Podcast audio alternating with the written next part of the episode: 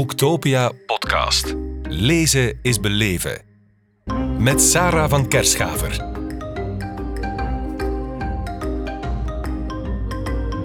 Tatjana de Rosne. Welcome to our podcast here at Booktopia.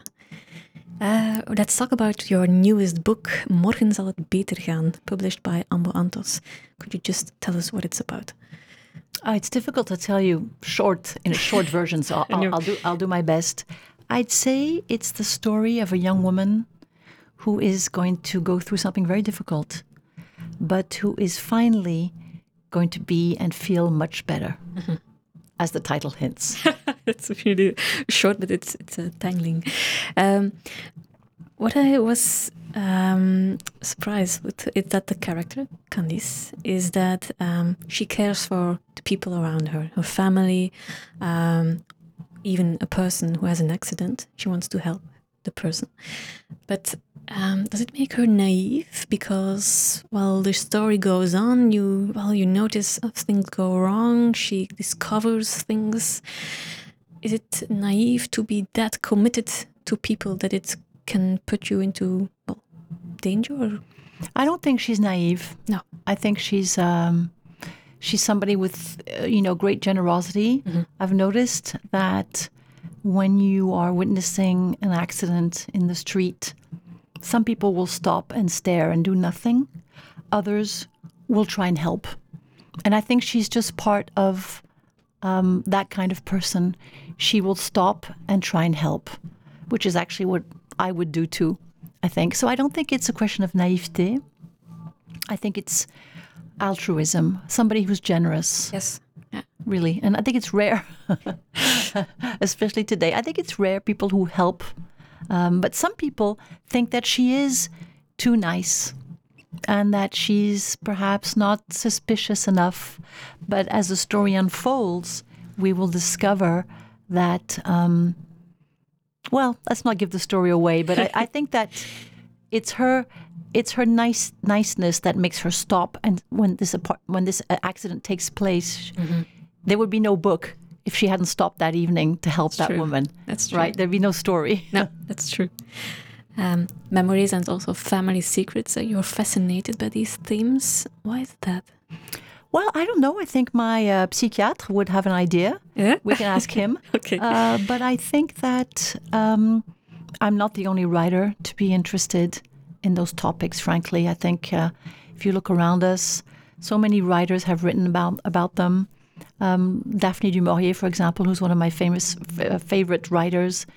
Um, Rebecca is full of secrets, uh, family secrets, and I think that um, it's a very Romanesque way of uh, changing somebody's future, changing somebody's um, present, and um, and I think there'll never be enough secrets. Um, of course, I have family secrets as well, which I'm not going to tell you today, if you don't mind.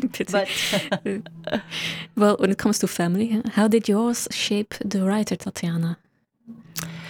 I would say that I came from a family where everybody had to be very thin, uh, very good looking, very brilliant, very intelligent. It's and I pressure. and I was a very um, shy and timid little girl, and a very shy and unhappy about herself teenager. And writing for me was my shelter, where everyone in my family was like the sun, the sun king. Um, I would go into the shadow. Writing was my shadow, and now what I like to think about is that it's that childhood. I'm not going to say I had I have an unhappy childhood. Of course I didn't, um, but that pressure was so much, and it's creating my own um, land, my own territory. That helped me become a writer because that was somewhere where nobody else could go in the beginning.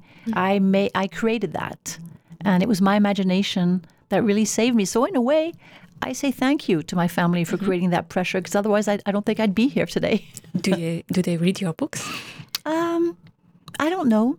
I think it's difficult for any family to have a writer in as a as a, a parent or as a you know being a daughter. I think it's very or my brother and sister. I think it's very uncomfortable for them because they're always terrified that we're going to tell their family secrets. Ah. Uh, I think they'd be much happier if I was a banker or a doctor, really, but it's too late now. you could be of use to it. I understand. What you tell about being a young girl and well, uh, creating your own universe and well, disappear into your thoughts. It's there's a, a, great distance between the the fact that you cite Emile Zola at the beginning of this book. Uh, I'm going to say it in Dutch, but uh, the quote says. Blaas de kaars uit. Ik hoef de kleur van mijn gedachten niet te zien. Blow out the candle. I don't have to see the color of my thoughts. That's the other way around. It's the opposite of what you did.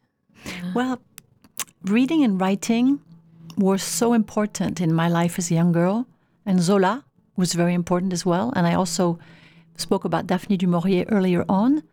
And it's also the reading that led me to the writing. Mm-hmm.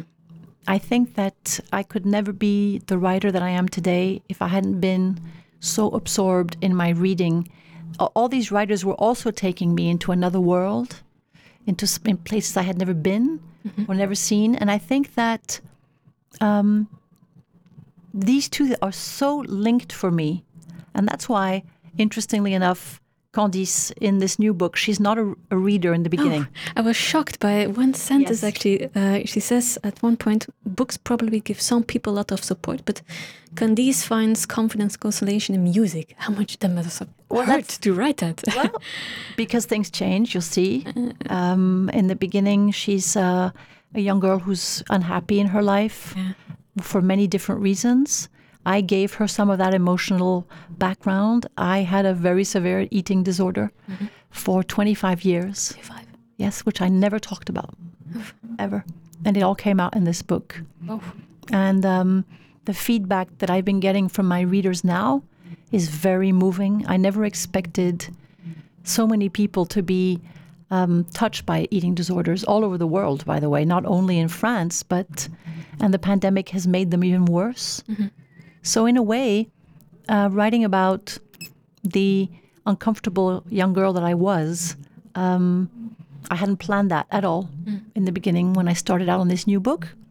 This new book was supposed to be about the strange friendship between two women and Emile Zola, but, but turned out differently. Yes, it did. It turned out differently, and that's I think that's also uh, what happens when you write in the middle of a pandemic. Yeah you're in this darkness you don't really know where you're going and i had to go towards the light. Yeah. that's what i did.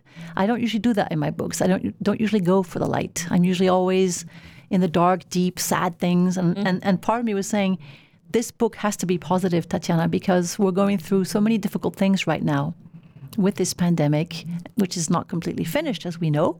It's true. So this book goes towards towards the light and that was really important for me because you, it started in lockdown, I suppose. Yes. Yes. And then, well, things got a bit better. So, how did this pandemic um, get, an, get an impact on the novel?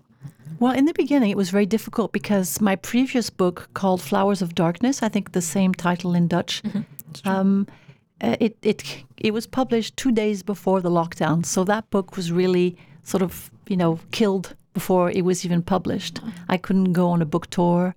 Um, I couldn't do any of my promotion at all. So I was back at home writing. And in the beginning, I must admit I hadn't planned to get back to writing so soon because mm-hmm. usually I do a big promotion for my books. So there I was back at my desk, locked down, and I realized that um, the first idea that was coming was the story of these t- this, these two women who, you know, were very different. And I thought it was more or less a thriller. And then I realized while I was writing it that all this personal stuff was coming in and that it may have the tension of a thriller, but it wasn't one at all. It was, as I told you in the beginning, the story of a young girl who comes into her own and who also becomes a reader and who also sees the power and the beauty of literature yeah. and how it can shine a certain aspect on her own life.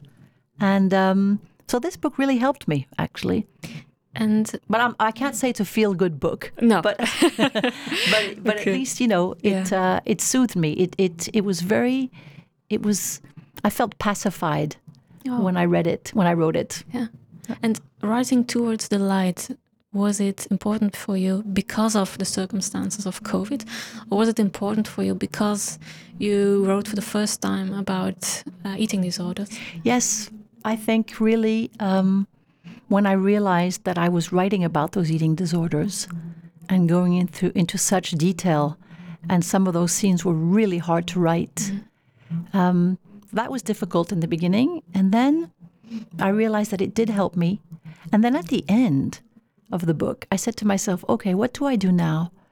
Do I tell my readers that this is not me? That I based my story on some person I know who has eating disorders?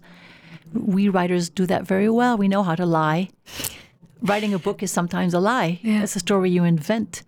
And then I understood that I didn't want to to lie about this. This is much too personal. Um, but it was very difficult for me in the beginning to talk about it in the media. Um, I remember my first big uh, radio live on the French um, radio RTL, which has millions of people listening to you first thing in the morning. And the first question I got was, "Are those eating disorders? Who? Is that personal?" And I thought, what do I do? Just like one second, you can say, no, it's not me. And then I thought, okay, it's me. Yeah.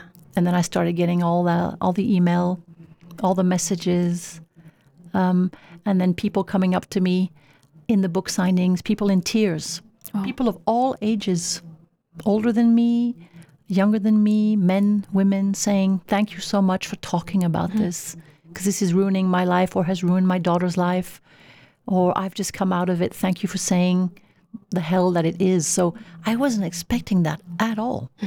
Believe me, but it's a wonderful gift. And the fact that in people reacting on, on the book and the theme and this eating disorders, um, do you find solace in that, or does it uh, is is it in a way also a trigger because we know that psychological it's it's this fight is a, it's it's huge. No, it's a solace because I'm out of it now, thank God. uh, although it was such, it was really long to get out of it. But um, it's wonderful to think that I can help people, although I'm not a doctor, of course. Um, but my message is if this is happening to you, or if it's happening to somebody you love, you have to get help. You can't come out of this alone. It's it's like a prison. You're in a prison. You don't see yourself properly. You can't eat properly. It affects every area of your life, your love life, your work life, and um, you know it's. I didn't realize how how many people are impacted today, and um, in France because of the lockdown, this has exploded, and they don't have enough structures to help people. It's the same thing in Belgium. Yes. Really? Yes. So it's so difficult. And I'm helping at least three people right now um, who are close. Um, and it does give me solace, but it also makes me sad because I didn't realize how many people are still stuck in there. So hopefully, um, you know, they'll get out of it. I did. Yeah. Candice did. It is possible. Tatiana de Rosne, thank you very much Thank you. for this matches of, uh, of hope you. and light. yes, thanks so much. Thank you. Thanks. Boektopia podcast. Lezen is beleven. Beluister ook de andere podcasts live opgenomen op Boektopia 2022. Nu via je favoriete podcast-app.